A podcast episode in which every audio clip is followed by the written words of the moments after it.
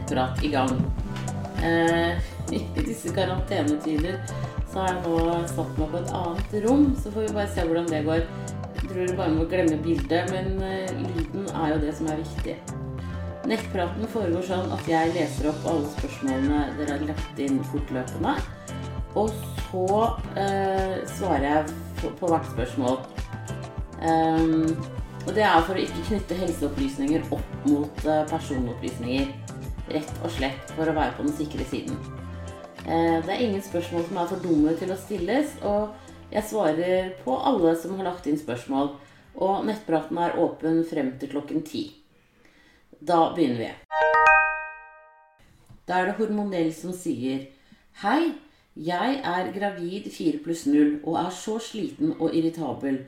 Har du noen tips til at det skal være lettere å omgås meg? Prøver å sove mye, legger meg tidlig, men våkner også tidlig og prøver å sove på dagtid. Men føler at irritabiliteten kommer mest av hormoner og ikke av at jeg er sliten.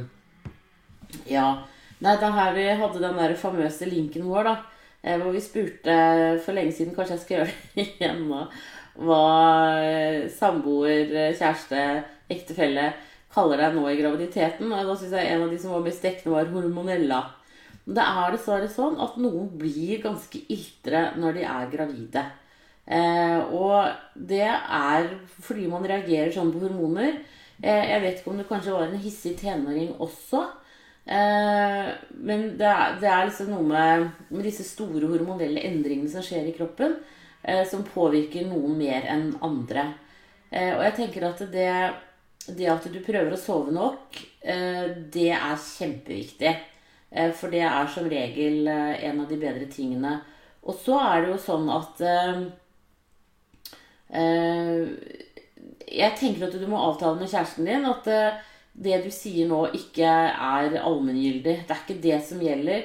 Eh, og det må være lov for eh, kjæresten å gå en tur når du blir Når du blir som verst, tenker jeg. Men den største hormonelle endringen skjer liksom frem til uke tolv. Så roer det seg når man kommer over i andre trimester. Så jeg tenker at, uh, at det kanskje kan være det er, så, det er, ikke så, lett, dette, altså. Og det er ikke noen piller man kan ta for det. Man må liksom bare stå i det. Eh, så Søvn er definitivt viktig. Eh, gjør ting som gjør at du er fornøyd med deg selv. Eh, sånn at du gir deg selv på en måte litt sånn positiv boost. Og så se om ikke de også kan være med på å hjelpe.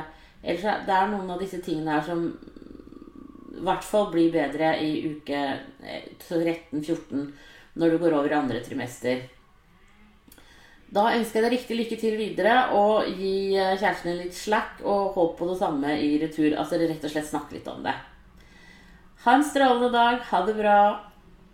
Og så er det undrende som sier Hei, jeg lurer på om sjansen for å bli gravid er større om sædspruten er kraftig. Min samboer har ikke kraftig sprut, og jeg undrer fælt på om dette er et problem. Nei, det har jeg aldri hørt at det skal være et problem i seg selv. Eh, for det handler jo mer om på en måte at når de sædcellene først har kommet inn i skjeden hos deg, så svømmer de jo eh, av seg selv. Eh, men husk at det er normalt at det tar inntil ett år fra man prøver å bli gravid, til det klaffer. Sånn at gi det også litt tid. Hvis dere har prøvd i mer enn ett år, så syns jeg du skal ta kontakt med fastlegen din og så begynne på en utredning. Og da er det normalt å teste sædkvaliteten eh, som en av de første tiltakene man gjør. Eh, for det er klart at eh, hvis man har dårlige sædceller, så, så eh, er det for det første hjelp å få. Eh, men det, det, gjør jo at det ikke er så lett å bli gravid. Eh, og det samme at man, Da blir jo du også utredet for å se at du kanskje ikke har noen tette eggleder og sånn. Klamydia er jo en av de kjønnssykdommene som dessverre kan gi tette eggledere. Men der også vil det jo være hjelp å få. Sånn at eh, jeg tenker at det, eh, blir vel født 2500 eh, barn i Norge nå hvert år med litt hjelp. Så det begynner å bli en del. Men veldig, veldig ofte så er det hjelp å få. Det er jo hyggelig. Men husk, det er normalt at det tar minst ett år fra man begynner å prøve, til det klaffer. et, et, et råd kan jo være, hvis det er dårlig sædsprut, at du legger deg etter samleie, at du blir liggende på ryggen med en pute under rumpa, sånn at rumpa blir høyeste punkt. Altså ikke, men altså at du blir liggende litt sånn oppoverbakke, da. Eh, eh, sånn at du hjelper de sædcellene til å, å, komme litt lenger opp også. Det kan også være en lur ting å gjøre, sånn at det ikke renner ut igjen med en gang. Da ønsker jeg deg riktig lykke til videre, og tusen takk for at du følger meg her. Ha det bra! Og så er det gravid uke 23, nei, 33 som sier Er det vanlig å gå overtid som førstegangsfødende? Noen dager er barnet litt mer rolig enn andre dager. Er alle tegn til spark bevegelse et positivt tegn på at barnet har det bra? Ja, alle tegn på bevegelse er positivt. Det er veldig bra. Så det er liksom endringer i bevegelse er det du skal være litt obs på. Uh, men så lenge barnet har, følger sitt eget mønster og har en del bevegelse hver dag, så, så er det helt innafor. Det ligger en artikkel på, på Alf og mamma hvis du, hvis, du, hvis du, søker på 'kjenne liv', spark, babyens bevegelser og sånn, så kommer den opp. Eh, og det, om det er vanlig å gå overtid som førstegangsfødende, det tror jeg egentlig ikke. Men eh, det er bare 5% som føder på termindagen. Og de fleste føder hvis du har termindagen her nede. Så den, det er liksom 14 dager før, 14 dager etter. Men hovedbølet er liksom i uka før og uka etter. En sånn Gaus-kurve. Eh, sånn at eh, Jeg tenker at man sier det der at, at førstegangsfødende alltid går på overtid. Det tenker jeg eh, handler mer om eh, at Eh, at man er litt utålmodig. Da er det første gang som sier Hei, jeg har termin i mai, og sånn som ståa er nå, ser det veldig mørkt ut å skulle føde, da jeg er redd for at samboer, barnefar, ikke får være der. Jeg har plagdes med depresjon og isolering under svangerskapet. I tillegg så har jeg hatt angstanfall hver gang vi har vært innom sykehus. Kan de virkelig tvinge han ut om han er den eneste jeg betror meg til på en sånn måte.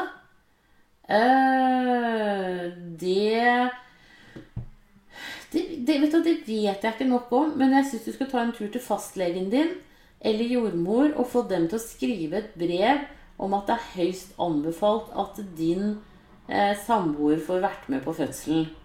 Eh, det tror jeg er eh, det som kan kanskje Nå vet jeg ikke om han jobber i olje eller fiskeri eller militæret eller hvor det er.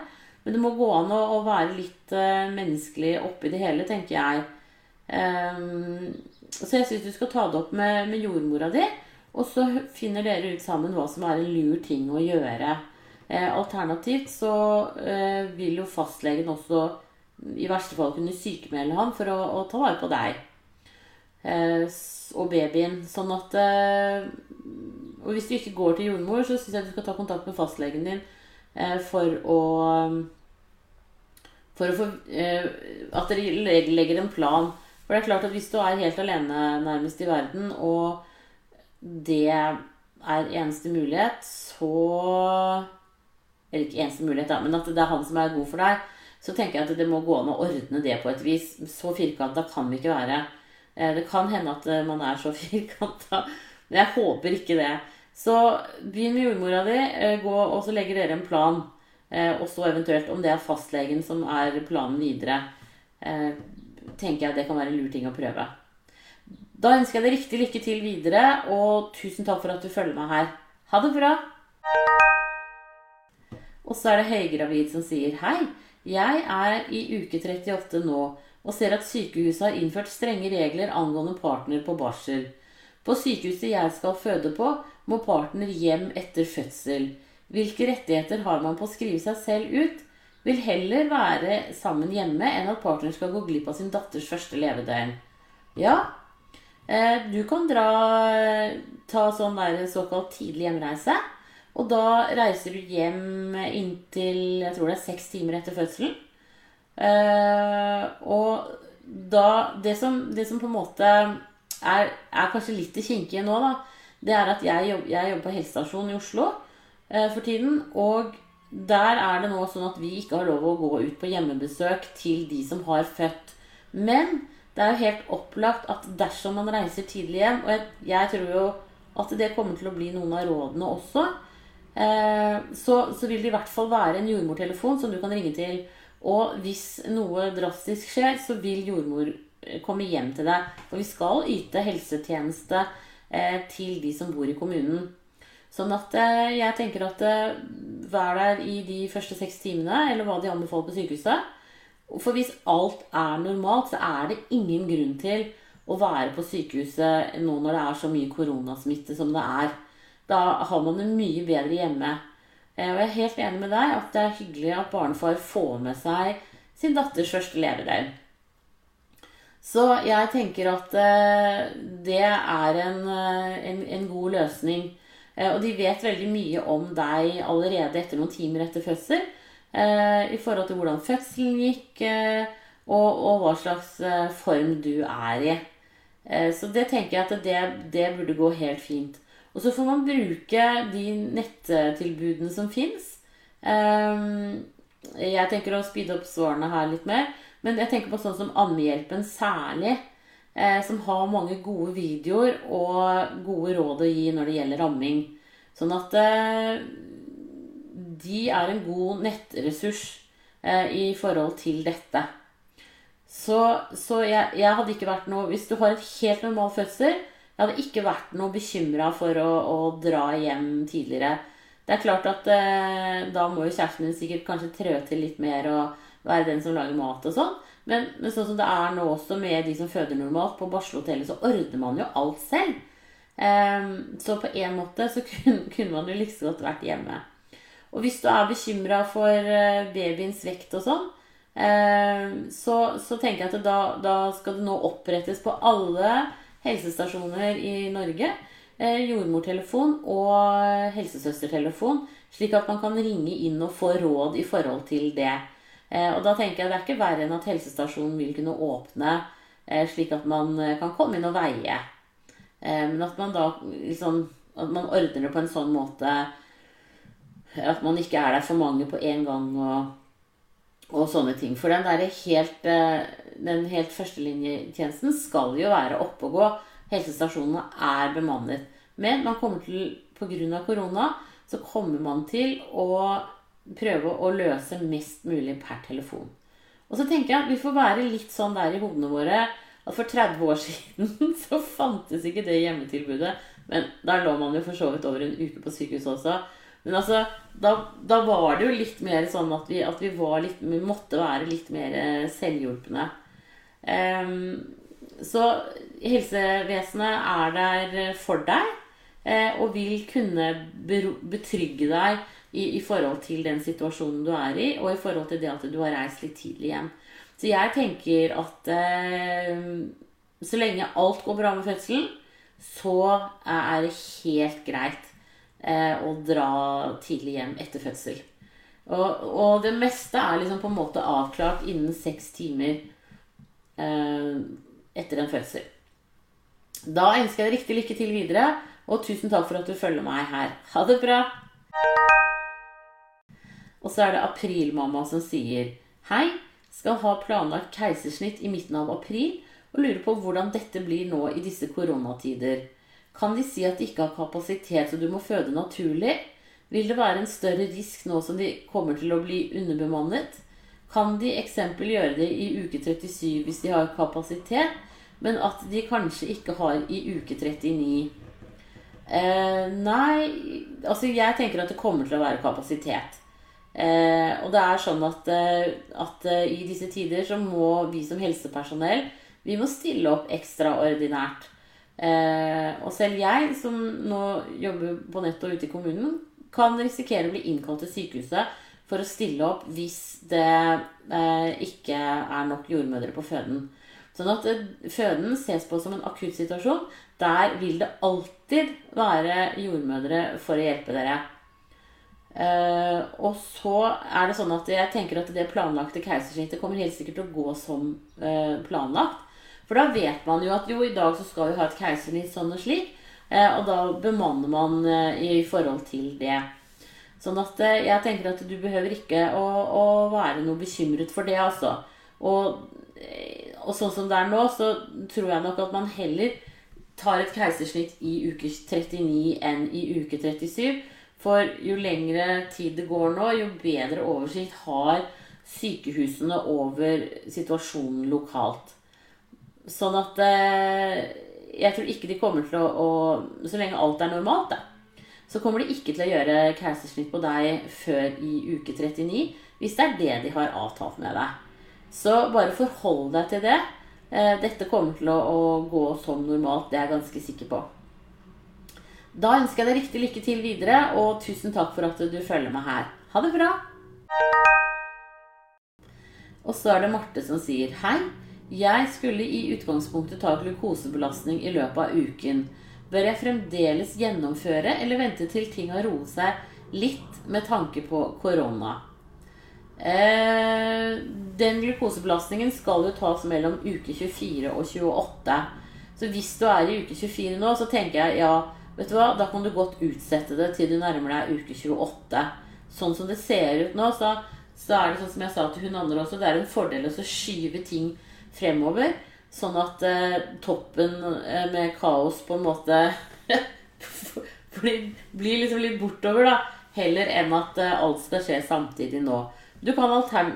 Så jeg tenker at det Men er du i uke 27-28 nå, så, så, tar du den glukosebelastningen nå. Eh, for det viktigste er at den skal bli tatt innen utgangen av uke 28. Og helsemyndighetene har ikke sagt at man ikke skal eh, ha sånn som glukosebelastning. Altså de vanlige tingene i en graviditet, de skal gjennomføres som planlagt. Eh, sånn at eh, en glukosebelastning inngår i dette. Så du må bare se hvilken uke du er i, og så handle ut ifra det. Da ønsker jeg deg riktig lykke til videre, og tusen takk for at du følger med her. Ha det bra! Og så er det eh, Julie som sier Hei, jeg jobber innenfor hjemmesykepleien, er gravid uke 30, og nå ønsker ikke familien jeg skal jobbe lengre, da jeg har litt dårlig immunforsvar fra før av. Burde jeg nå kaste inn håndkleet og få sykemelding fram til permisjon? Eh, det tenker jeg er en god idé, siden du har et dårlig immunforsvar. Eh, det som er saken, er at du kan også ha rett på svangerskapspenger da bruker du ikke av sykemeldingsperioden din. Så det syns jeg du skal snakke med fastlegen din om. Eh, inne på Alt for mamma så ligger det eh, en artikkel om svangerskapspenger. Og der ligger det også link til det skjemaet. Hvis du har mulighet for å printe ut det skjemaet før du drar til legen, så er det lurt. Eh, der står det også en veileder i forhold til det. Dette skjemaet ligger inne på Arbeidstilsynets sider. Og Det er derfor en del fastleger ikke er så glad i å bruke det, fordi at det er litt rælete å finne. Men det er et ypperlig instrument, for det er ikke du som er syk, eh, men det er arbeidsomgivelsene dine som potensielt kan føre til skade for fosteret.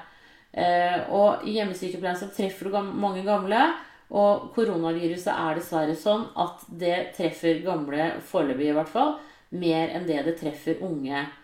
Sånn at uh, i seg selv så er ikke Altså, du er, er jo ung og eh, gravid, men, men det, og det i seg selv er ikke en, en, risiko. Men det er det med det dårlige immunforsvaret som også er med på å spille inn en rolle her. Så, så jeg tenker at det, det svangerskapspenger er en riktig ytelse. Men hvis ikke legen din vil gi deg det, så tar du bare ja takk til en sykemelding. Eh, det tenker jeg kan være lurt. Da ønsker jeg deg riktig lykke til videre, og tusen takk for at du følger meg her. Og så er det Hva skjer som sier Hei, jeg hadde en MA i januar. Jeg begynte å teste når jeg hadde eggløsning igjen i februar etter menstruasjon. Jeg testet positivt kun et par dager etter endt menstruasjon. Uken etterpå testet jeg positivt igjen. Jeg brukte Clairblue sin to dager test. Hvorfor tester jeg positivt flere ganger i forskjellige uker? Eh, det som er, er at når du har en MA, da, eh, når man har en abort, så kan man teste positivt i ni uker etter endt abort. Eh, så derfor så tenker jeg at det er det som gjør at du tester positivt nå. Men altså, nå burde det jo snart begynne å ha gått ni uker, da.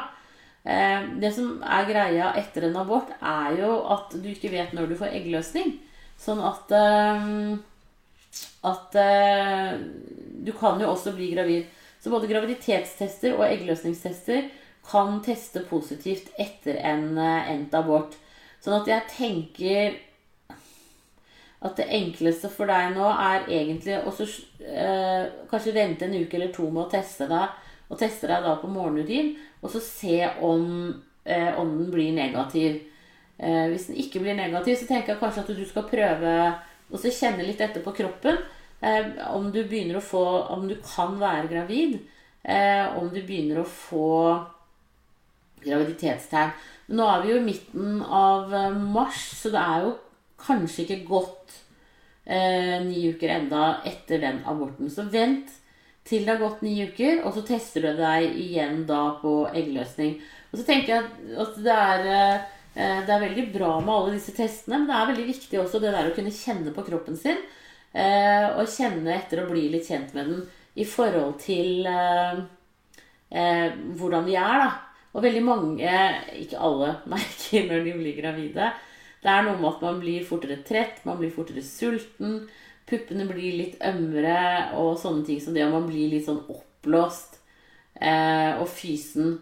Sånn at eh, Og noen fryser faktisk veldig i begynnelsen fordi at kroppen skal plutselig begynne å være en halv grad opptil en halv grad varmere. Så kjenn litt etter på graviditetstegn. Inne på Alfa Mamma så ligger det flere artikler om graviditetstegn. Eh, kjenn litt etter på det, og så vent med å teste det eh, til du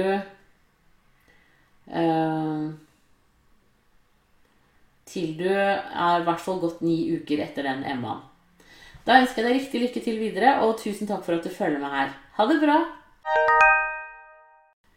Og da er det Julie som sier Hei, jeg er gravid i uke 30 og risikerer nå å bli permittert.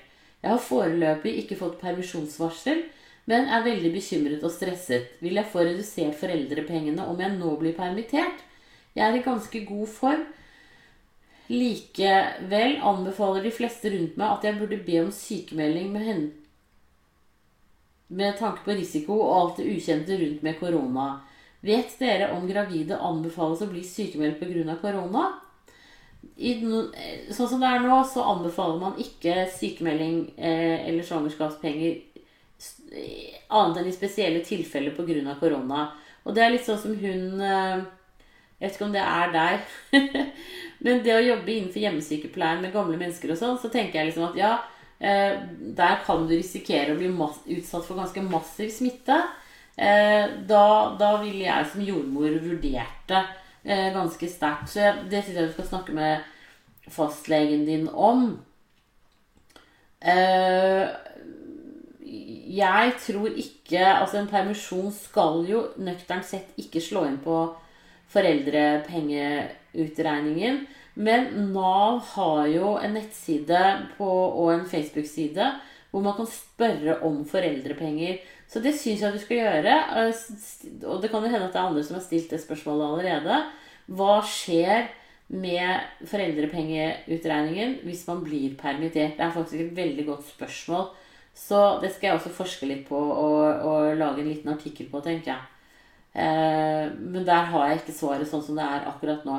Jeg skal se hva jeg finner av svar, så kan jeg legge en link inn på spørsmålet ditt også. Men spør inne på Nav, eh, på Facebook-siden der, hva det er de tenker om det.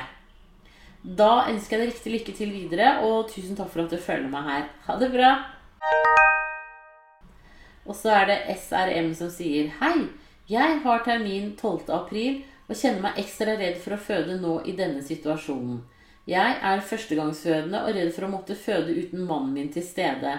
Hva er retningslinjene hvis vi begge er friske? Får mannen min være med på fødsel? Ja, det får han. Fødselen får de være med på, men de får ikke ligge på barsel etterpå. Men da kan man tenke sånn som hun litt lenger nede gjorde, at hvis hun er frisk og alt er vel, så kan man reise hjem litt tidligere eh, fra sykehuset. Så det går an å vurdere det hvis man fryktelig gjerne vil være sammen. Så, men, men fødselen øh, den blir du helt sikkert ikke alene om, sånn som det er nå. Så ja, nei, det, det, det er, Foreløpig har de i hvert fall ikke sagt noe om det. Og jeg tror heller ikke Jeg tror at det med fødsel og sånn, så er det såpass stor fordel for jordmødrene og barnepleierne og de som jobber på sykehuset, at, at mannen er med, da, eller kjæresten. Fordi at det, det er jo den største smertelindreren man kan ha. Så jeg tror fødsel er garantert, og så kan man heller vurdere litt sånn tidlig hjemreise. Men da ønsker jeg deg riktig lykke til videre, og tusen takk for at uh, du følger meg her. Ha det bra! Og så er det kystvaktkone som sier Hei, Siri.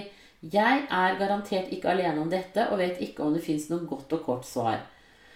Jeg er i uke 32 med barn nummer tre. Med de to første har jeg hatt heftig svangerskapsdepresjon. Jeg søkte derfor hjelp tidlig i dette svangerskapet, men fikk avslag.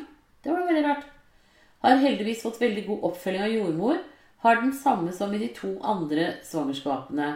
Hun har skrevet notat i papirene mine om at det er ønskelig med ekstra opphold på barsel grunnet tidligere svangerskapsdepresjon. Nå fikk vi skriv fra helseforetaket om at man ikke får ha med partner, blir sendt hjem fra barsel så tidlig som overhodet mulig, og at jordmor og helsesøster per nå ikke vil gjennomføre hjemmebesøk. Det er jo enda en stund til jeg skal føde og ting kan skje, men jeg kjenner at disse tingene har, her setter i gang en hel del ting hos meg. Jeg har ringt to ganger siden fredag til psykiatritjenesten og bare fått til svar at det ikke er akutt, og at de grunnet koronaviruset heller ikke har folk på jobb.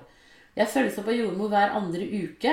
Har du noen gode råd eller tanker om hvordan det vil bli for fødende og barselkvinner nå fremover? Ha en fin dag! Ja, altså det er sånn at eh, helsevesenet skal stille med nødvendige tjenester. Eh, og det at du eh, er såpass utsatt for å få en barseldepresjon igjen, det er en nødvendig tjeneste. Og jeg vet at på helsestasjonen der jeg jobber nå, nå skal det jo være psykolog på alle helsestasjonene. Hun begynner nå å gjennomføre telefonsamtaler med de det gjelder. Så jeg tenker at eh, det må din kommune kunne gjøre også. De skal ha en psykolog eh, tilgjengelig, eh, og det må jo være en mulighet. Og så tenker jeg også at eh, du kan jo avtale med hun jordmora du går til, hvis det er en person som du liksom eh, føler deg trygg på og stoler på, og som er en støtte for deg, at du snakker med henne eh, om å ha hennes telefonnummer tilgjengelig. Eh, for, det, for, det, er jo resultatet av dette her at vi, vi skal jo være på jobb. Eh, og vi skal være tilgjengelige. Slik at eh, jeg tenker definitivt at det må kunne gå an. Man bryter ingen uh, taushetsregler. Ingenting Ikke taushet, men altså ingen sånn personvernhensyn når man snakker i telefonen sammen. Det er helt lov i, i, forhold til lover og regler når det gjelder helsetjeneste. Sånn at uh, det tenker jeg er en god mulighet. Og, og også sånn videochat, sånn som det, dette jo er, er noe man også kan gjøre. Sånn at, eh, og Skype går an, og Messenger går an, og, og sånn. Så jeg tenker at eh, allier deg med jordmora di. Eh, at dere har en avtale på at dere kan snakke sammen. Enten bare per telefon, eller da også eh, sånn at man kan se ansiktene til hverandre. Det kommer an på eh, hva slags behov du har, på en måte, tenker jeg. Men jeg hadde definitivt sjekka med psykologtjenesten i kommunen. Eh, og så tenker jeg at dette her Det er selvfølgelig kjempeviktig at du har et sikkerhetsnett rundt deg nå når du skal føde, hvis du har hatt to heftige depresjoner allerede. Det du kunne eh, Altså, dette her er veldig sånn eksperimentelt, da. Um, nei. Ja, nei, så snakk med fastlegen din også i forhold til dette her. Eh, og jeg tenker at det, her, her, må faktisk de enkelte kommunene eh, stille opp, altså. Eh, og vi er mange helsesykepleiere og jordmødre som selv om vi sitter i karantene eller eh, sånn, så kan vi snakke i telefonen. Det er ikke noe problem. Eh, så, så gjør nå endelig det. Og du vet jo på en måte, også siden du har hatt det to ganger før, kanskje litt hvordan det arter seg. Eh, og at du hva skal jeg si, kjenner lusa på gangen. Så jeg tenker at dette her, det ordner seg. Det Men, men sjekk. Uh, sjekk med jordmora di hva slags eh, apparat man kan bygge opp rundt deg. og, og så ta, ta det fra der. Men, men, du skal absolutt ikke føle deg alene. Og eh, helsemyndighetene i kommunen der du bor, og i fylket, har definitivt et ansvar, altså. De kan ikke bare la deg gå for lut og kaldt vann. Det mener jeg. Og det er understreket i alle, alle henvisningene fra Folkehelseinstituttet og Helsedirektoratet og helsenorge.no at nødvendig helsetjeneste, det skal ytes. Og om det er fysisk eller psykisk, ett fett her skal det ytes. Så jeg tenker at eh, du må, du må absolutt avtale med jordmora di. Altså, som du sier, du er i uke 32 nå. Da har du jo enda i hvert fall åtte uker igjen, da kanskje. Eh, og mye eh, Jeg tror mye kommer til å skje. Jeg tror den verste runden med korona kommer til å være over da. Men det kan man jo ikke vite, dessverre. Så fortvil ikke. Jeg mener at de bør spa opp litt hjelp å få eh, til deg. Så kom gjerne tilbake til meg og fortell hvordan det barker i vei. Og så skal jeg se om, om det fins eh, muligheter for, uh, for hjelp da også. Som, finnes, man får jo bare vri hjernen sin og se om det er noe som man kan påvirke på noe som helst slags vis. Men da ønsker jeg deg riktig lykke til videre, og tusen takk for at du følger med her. Og så må du ha en strålende dag. Ha det bra! Du vet hva jeg kom på? Eh, en helt annen ting. Det er jo at disse Eh, psykologistudentene, de som har kommet litt langt opp i, i tralten, altså som går på fjerde, femte, sjette året, de har jo faktisk eh, pasienter. Så det hadde jo gått an og kontaktet uh, Vet du hva? Jeg skal høre med Jeg har en niese som går på psykologi. Jeg, jeg kommer tilbake til dem, og jeg skal snakke med henne. Og så skal jeg høre hvordan det der funker, hvordan man kan få time der eventuelt. Jeg tenker Det er bedre enn ingenting, i hvert fall. Så jeg legger inn en link hos deg etterpå. Ja. Nå ble det litt ekstra her. Da må du ha en strålende dag videre. Ha det bra. Og så er det Vilma som sier Hvordan vil koronautfallet i Norge påvirke ulike fødeavdelinger i Norge? Er det viktig at vi gravide ikke går ute i offentlige plasser som er folketette for å ikke bli smittet av andre? Eller kan vi leve som andre mennesker som ikke har fått påvist korona? Vil kriteriene for at fedre skal få være med i fødestuen endres dersom det blir flere fall av koronasmittede i Norge? Ja. Altså, man må jo på en måte bare forholde seg til det som er sagt eh, per nå, da. Eh, og det er jo at fødeavdelingene er, er, de avdelingene som blir prioritert med jordmødre. Eh, og det er sånn at jeg som jobber ute i, i eh, eh, på helsestasjon, hvis det blir mange syke jordmødre på sykehuset, så blir jeg innkalt og, og må hjelpe til på føden igjen. Og så tenker jeg sånn rent generelt eh, Du er ikke noe mer utsatt for å få korona enn det andre er. Men det er jo en sterke, kjedelig sykdom å få akkurat nå når du er gravid. Bare fordi det en, kan være en slitsom sykdom å få. da. Eh, og derfor så tenker jeg at eh, jeg ville ikke gått mer ut enn det du trenger. Altså gå tur og handle og sånne ting. Men jeg ville ikke på en måte oppholdt meg der hvor det er mange mennesker. Men det ville jeg liksom sagt til alle, da. Eh, så sånn sett så tenker jeg at um, Man må bruke sunn fornuft, men det er ingen fordel å, å få korona eh, i utgangspunktet. Det, det er, er, nok en det er jo noen som får det veldig lett. Og de sier jo det at vi er sikkert flere som har hatt det, som ikke vet om det. Men jeg, jeg, ville på en måte ikke utsatt meg for mer smitte enn uh, nødvendig. Men, men det, det, gjelder definitivt. Altså jeg mener om, om, du er gravid eller ikke, ett fett, altså. Uh, jeg bare hadde ikke gjort det. Så jeg tenker at det um, Hold deg unna plasser hvor det er mange mennesker. Uh, det kan være greit. Og nå er jo nesten altså alle som kan jobbe på hjemmekontor, er jo sendt hjem på hjemmekontorjobbing. Og det sier sitt i forhold til at myndighetene ønsker at det skal være minst mulig smitte mellom folk nå. Så eh, ikke ta offentlig kommunikasjon hvis du kan unngå det. Eh, og unngå å være ute mer enn det du må. Det kan bli litt kjedelig, men, eh, men sånn er det bare. Og så er det jo sånn at fedre Jeg tror ikke Altså jeg tror fedrene alltid kommer til å få lov å være med på fødestuen. Men det er allerede sånn en del steder at de ikke får være med på barsel. Eh, så da får man jo vurdere i forhold til at hvis fødselen er helt normalt og alt er vel, så kan man jo heller dra tidligere hjem. Eh, det er en helt klar god option. Så det, det ville jeg vurdert. Um, absolutt. Uh, og, og, heller um, dra hjem tidligere. Men ikke utsett deg for mer smitte enn det du må høyst nødvendig. Da ønsker jeg deg riktig lykke til videre, og tusen takk for at du følger meg her. Ha det bra! Og så er det Astrid som sier hei. Jeg er førstegangsfødende og har termin tidlig i mai. Nå har det jo kommet strengere føringer på sykehusene i forbindelse med fødsel. Jeg vil gjerne ha med meg partneren min på fødsel og i tiden etterpå. Men nå blir man jo sendt hjem to timer etter fødsel, ser det ut til. I utgangspunktet har jeg tenkt at det må være fint å bli på sykehuset så lenge som mulig, men nå er jeg redd for at det bare vil føles totalt overveldende å bli værende alene der med besøksforbud de første dagene.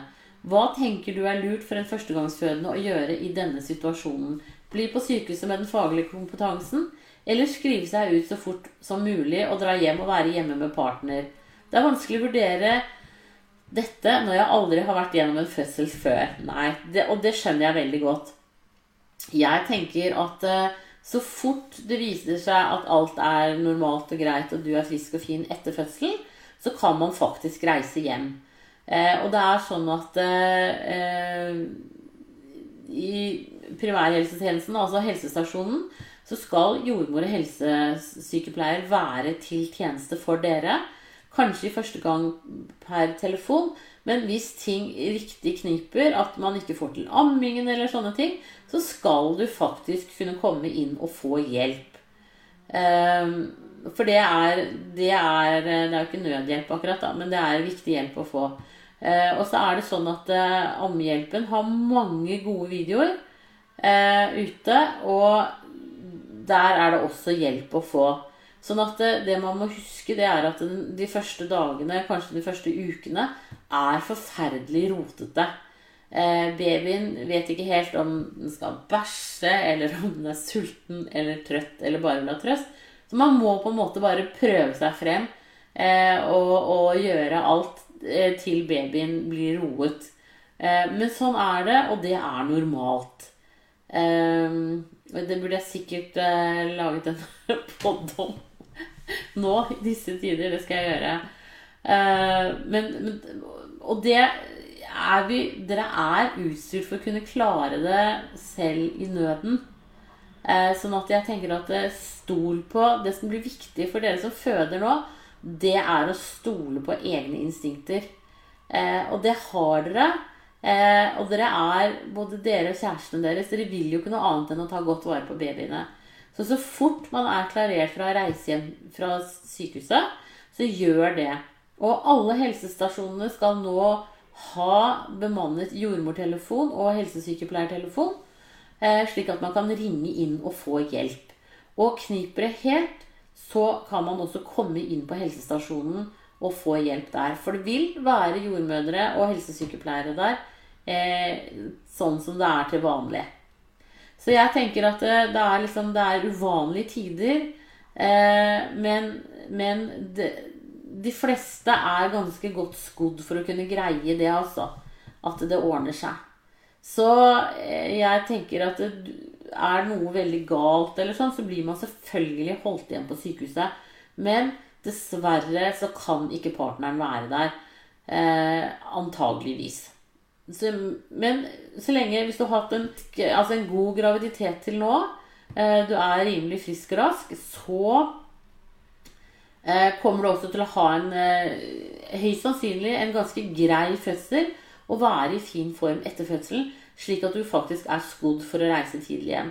Så jeg tenker at dette, dette går seg til. Ikke tenk så mye på det. Eh, og tidlig mai, det er lenge til enda. Ting kan ha endret seg ganske grundig eh, innen da. Da ønsker jeg deg riktig lykke til videre, og tusen takk for at du følger meg her. Ha det bra! Og så er det Abida som sier Hei, Siri. Er snart 43 år og er 6 pluss 4 på vei. Halvparten av kundesenteret der jeg jobber, har fått hjemmekontor, men ikke jeg. Kan jeg bli smittet pga. koronavirusen? Har jeg krav på hjemmekontor? Er redd for spontanabort. Hadde det i januar. Med vennlig hilsen Abida. Eh, jeg vet ikke hvorfor de har fått hjemmekontor, ikke du. Men det er vel sånn at eh, Det var et litt sånn vanskelig spørsmål. Jeg vet ikke hva slags kundesenter du jobber på. Eh, men kan du ikke ta en, en prat med eh, med sjefen din og høre om du kanskje kunne ha fått hjemmekontor isteden? Eh, siden du nå er gravid og, og ikke så Altså, du er ikke noe mer utsatt for å bli smittet enn andre. Det er du ikke. Sånn at du, du, tåler fint å være på det kundesenteret. Men det er klart at eh, Ja, altså du Nøkternt sett så trenger du ikke å bekymre deg, da. Eh, men jeg, jeg, skjønner jo at, at siden du akkurat har hatt en abort, så blir man jo liksom litt mer stressa. Men hør med sjefen din om det er mulig at du kan ha hjemmekontor også. Det tenker jeg at eh, Hvis halvparten er på hjemmekontor, så måtte du, måtte du, du kunne blitt en av dem. Eh, og så får du heller fortelle at du er gravid, selv om det er veldig tidlig. Eh, så tenker jeg det er greit for sjefen din å vite. Så prøv det i dag. Da ønsker jeg deg riktig lykke til videre, og tusen takk for at du følger med her. Ha det bra! Og så er det Dolly90 som sier hei er på fjerde-femte året mitt på, den, på Diane p-piller, mens har alltid vært så presis at jeg kan gå etter klokka nesten. Men denne gangen er jeg i dag ti dager over. Mye trøtt, humørsvingninger, kort lytte og lunte og veldig fysen på ting. To negative tester. Hva skjer? Nei, det kan du si. Du har kanskje blitt gravid sent i syklusen, muligens, hvis du er gravid. Så jeg ville liksom bare sette Du beskriver jo gode graviditetstegn her. Eh, jeg ville sette an noen dager til, og så testet jeg på morgenurin. Eh,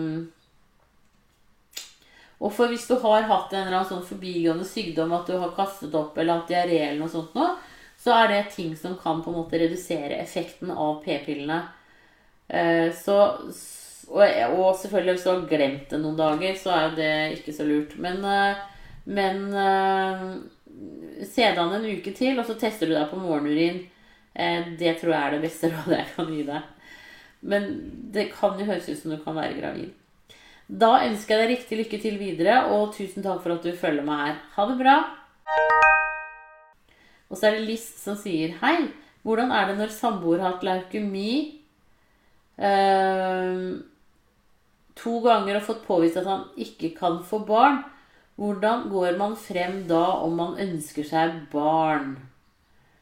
Eh, ja Da Altså hvis det er sånn at hans sædceller ikke funker i det hele tatt, så tror jeg man har rett på uh, sæddonor.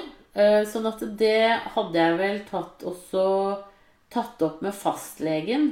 Sånn at dere kommer inn i rullene der. Eh, det går også an å høre med de private klinikkene, men da koster det jo penger. Eh, men dette tror jeg er noe av det det offentlige stiller opp med. Eh, for her handler det jo også om sant, eventuelt at du skal på hormonkurer for å øke eggløsningen og at alt blir tima, da. Så jeg tror her hadde jeg begynt med fastlegen, rett og slett. Eh, og så fått en time der kanskje når dette koronagreiene roer seg litt.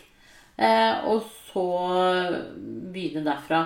Men jeg vet at sånn som Livio-klinikken og sånn, der ligger det ganske mye eh, informasjon ute. Og jeg har jo også laget en pod med hun Nan Oldereid fra Livio-klinikken som du kan høre på, eh, hvor, det, hvor vi snakker litt om noe av dette. Da ønsker jeg deg riktig lykke til videre, og tusen takk for at du følger meg her. Ha det bra! Og så er det svangerskapspenger som sier Hei, jeg må ha svangerskapspenger pga. jobben min. Men jeg har lite lyst til å gå på helsestasjonen og snakke med jordmor om dette nå i disse koronatider. Har ikke lyst til å bli smitta eller smitte andre. Tror du jeg kan ringe henne og ordne dette over telefon? Ja, det tror jeg. Det skulle gå helt fint. Da kan jordmor skrive ut uh, søknaden, og så uh, skanner hun den inn. Uh, og så printer du den ut, og så tar du den med til sjefen din. Så ring jordmor i dag. Det tenker jeg er en god vurdering. Da må du ha riktig lykke til. Og hvis ikke jordmor kan dette her, så, så hører du med fastlegen din. For fastlegen også kan det. Og da går du inn på eh, Jeg har en artikkel om det på Alt for mamma, men linken ligger på Arbeidstilsynet. Så hvis du googler svangerskapspenger og kommer inn på Arbeidstilsynet, så er det der det Nei, det er jordmor som skal printe ut den. Men hvis ikke jordmor kan, så tar du printeren ut og tar den med deg til fastlegen, og så kan fastlegen skrive ut. Da ønsker jeg deg riktig lykke til videre, og tusen takk for at du følger med her. Ha det bra! Og så er det usikker blivende mann. Hei, hei. Dette er sikkert et av mange koronarelaterte spørsmål, men hvordan bør vi gravide forholde oss til svangerskapskontrollene fremover? Blir de stengt ned? Kan man få hjemmekontroll? Bare sånn som dette med å få vite noe om hvilke leie barnet ligger i frem mot termin, er jo litt viktig med tanke på mulige keisersnittsituasjoner. Eller blir det nå flyttet over til sykehusene og vurdere når fødselen allerede er i gang? Har selv termin i mai. Jeg ser mange helsetilbud blir midlertidig stengt nå. For meg har svangerskapskontrollene bidratt til veldig ro og trygghet fordi jeg har visst at, jeg, at når jeg kommer dit, så kan jeg spørre om alt jeg lurer på, og få snakket om ting jeg har vært urolig for eller har tenkt mye på.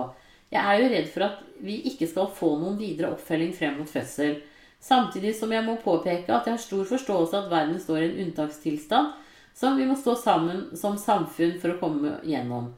Tusen takk for alle gode svar du gir oss gravide her inne. Jeg ønsker deg en kjempefin dag. Ja, men Tusen takk, og tusen takk for at du bruker denne tjenesten. Det er veldig hyggelig. Eh, når det gjelder svangerskapskontrollene, så skal de, eh, særlig opp mot termin, og der det er noe spesielt, så skal de gå som normalt. Eh, man prøver å løse en, ting, en del ting per telefon. Eh, sånn at der hvor jeg jobber nå, så sitter, sitter man og ringer rundt til de gravide og kartlegger om de bør komme inn på en kontroll eller ikke. Og der hvor man kan skyve på kanskje særlig de som er i andre trimester, da, hvor man kan skyve på kontrollen litt med enkelhet. Eh, så vil det bli gjort. Men når man nærmer seg termin og sånn, og hvor det er viktig å vite, sånn som du sier babyens leie og de tingene der, så skal man absolutt eh, komme inn til kontroll eh, hos jordmor. Så, så det behøver du ikke være noe bekymret for. Jeg tipper at jordmor kommer til å kontakte deg i dagene før neste kontroll for å avtale hvordan dere skal gjennomføre den. Sånn at det tenker jeg det går, det går helt fint. Så vi, vi er der, både helsesykepleiere og jordmødre og fastleger er der for dere og hjelper til eh, der det trengs. Det er liksom på en måte der hvor man kan skyve litt på det at, det, at det vil bli gjort. Men ellers så, så, er vi der absolutt. Men da ønsker jeg deg riktig lykke til videre. Og jeg kommer også til å ha flere nettprater her nå til uka. Det tenker jeg. Eh, sånn at, at, jeg, at jeg er mer tilgjengelig, jeg òg. Riktig lykke til videre, og tusen takk for at du følger meg her. Ha det bra! Og så er det influensavaksine som sier Hei, jeg er snart i tredje trimester, og denne gangen har influensavaksinen gått helt i glemmeboken. Bør man ta den nå? Ser jo at toppen av influensa er i februar og er sjelden syk, men så tenker man på det i disse koronatider. Vet du hva? Jeg synes du, altså, Vi anbefaler jo at man skal ta den, men jeg, jeg, har ikke helt oversikten på om toppen er nådd eller ikke. Så send en SMS til fastlegen din, og så spør hva fastlegen anbefaler. Det tror jeg er mitt beste råd til deg. Eh, rett og slett. Men eh, du er helt klart innafor liksom, når man skal ta influensavaksinen, at det kan være en fordel. Eh, og da går jo immunstoffene over til babyen, så den også er på en måte immunisert før fødsel. Og er godt immunisert i hvert fall det første halvåret etter fødsel. Så det kan godt hende at influensavaksinen er, er en lur investering. Og så er det straks fødende som Nei, ja. Så send en SMS til fastlegen din og, og spør om hva som er lurt for akkurat deg. Da ønsker jeg deg riktig lykke til videre, og tusen takk for at du følger med her. Ha det bra! Og så er det straks fødende som sier Hei, har termin i dag, og nå nærmer fødselen seg. Er betryggende at far enda kan være med på fødsel, men syns det er skremmende å skulle være alene på barsel, selv om jeg forstår dette godt. Hvis fødsel går greit og alt er bra med meg og barnet, er det mulig å dra hjem uten å være på barsel? Eventuelt bare være der i kort tid. Selvfølgelig går helse først, og medisinske årsaker til å bli gjør at vi blir. Har en mamma som har holdt seg vekk fra andre siden torsdag, og som kan hjelpe til med alt som er nytt for oss nybakte foreldre her hjemme. Men også fått høre at ingen skal møte den nyfødte utenom foreldre akkurat nå. Er det kommet regler på offisielt? Uh, jeg tar det først før. jeg syns helt klart at uh, dra hjem uh, så fort at du er klarert. Mye hyggeligere å være hjemme og være sammen enn å være på sykehuset hvis man ikke trenger å være der. Så der støtter jeg deg fullt ut. Og så tenker jeg at det er vel en mer sånn generell regel på at man ikke skal ha andre inn. Så hvis moren din har vært forsiktig og ikke vært i kontakt i stor grad med andre og ikke har noen tegn på sykdom, så tenker jeg at eh, det kan jo hende at det er god hjelp. Nå kan jo du og mannen din eh, prøve dere, eller kjæresten din prøve dere selv på egen hånd, og så se hvordan det barker i vei. Og at uh, mammaen din kan være en god reserve. Eh, som, for som en grunnregel så skal man jo omgås færrest mulig. Men, men, det er klart at hun vil jo være en med erfaring, sånn at det, det, kan godt hende at det er en veldig god løsning for dere. Men eh, prøv dere selv først, og så se Og så se på en måte uh, at kanskje alt går av seg selv. Uh, det kan jo veldig godt hende, det. Og da kan det jo også være en fin tid å være helt alene sammen på. så fortsett å ha mamma i bakhånd. Eh, men eh, eventuelt liksom forbered dere på at dette er noe dere greier selv. Og jeg er helt sikker på at de aller, aller fleste av dere der ute er utstyrt med gode instinkter som gjør at dere gjør de riktige tingene for babyen. Eh, og amming er jo det aller beste nå i disse tider. Da får babyen antistoffer, god næring. Man behøver ikke å gå i butikken for å kjøpe morsmelkerstatning. Eh, og det kan være en, en, en, stor fordel. For babyen er det best, og for dere også. Og eh, som jeg har sagt flere ganger i dag, Ammehjelpen har fantastisk gode sider med god informasjon og gode videoer som viser ammestillinger og alt sånt. Så, så det eh, også er, er, veldig bra. Da ønsker jeg deg riktig lykke til videre, og tusen takk for at du følger meg her. Eh, og jeg kommer også til å være mer tilgjengelig eh, på nettpratet fremover. Ha det bra! Og så er det Pust Pust som sier Hei, Siri. Har du noen gode tips til hvor jeg kan lese lære meg litt om ulike pusteteknikker som kan være fint i forbindelse med fødsel? Har, hører jo at det med å puste er viktig under fødsel, men skulle gjerne ha lest litt, øvd litt sånn at jeg får prøvd litt hva som kan fungere for meg. Tusen takk for jobben du gjør. Jo, bare hyggelig å kunne hjelpe til. Jeg tenker jo at jeg har verdens eh, beste jobb, rett og slett. Eh, når det gjelder pusten din, så tenker jeg at eh, det er noe som heter Lamas-metoden. Som er på en måte litt sånn der old school. Men hvor, hvor det handler mye om pust. Så søk på det. Det er en dame her i Oslo-området som driver på med Lamas. Så, det går også an å, å, ta kontakt med henne. Det kan hende at hun har noen sånne nettilbud. Eller så vil jeg også tro at om du, altså om du tar Lamas på YouTube, så vil det dukke opp en, en, del gode videoer der. Så det tenker jeg at det kan være en, en lur ting å prøve. Eh, og så er det jo mye sånn gravide-yoga også. Sånn, men nå er jo helt sikkert alle de kursene avlyst.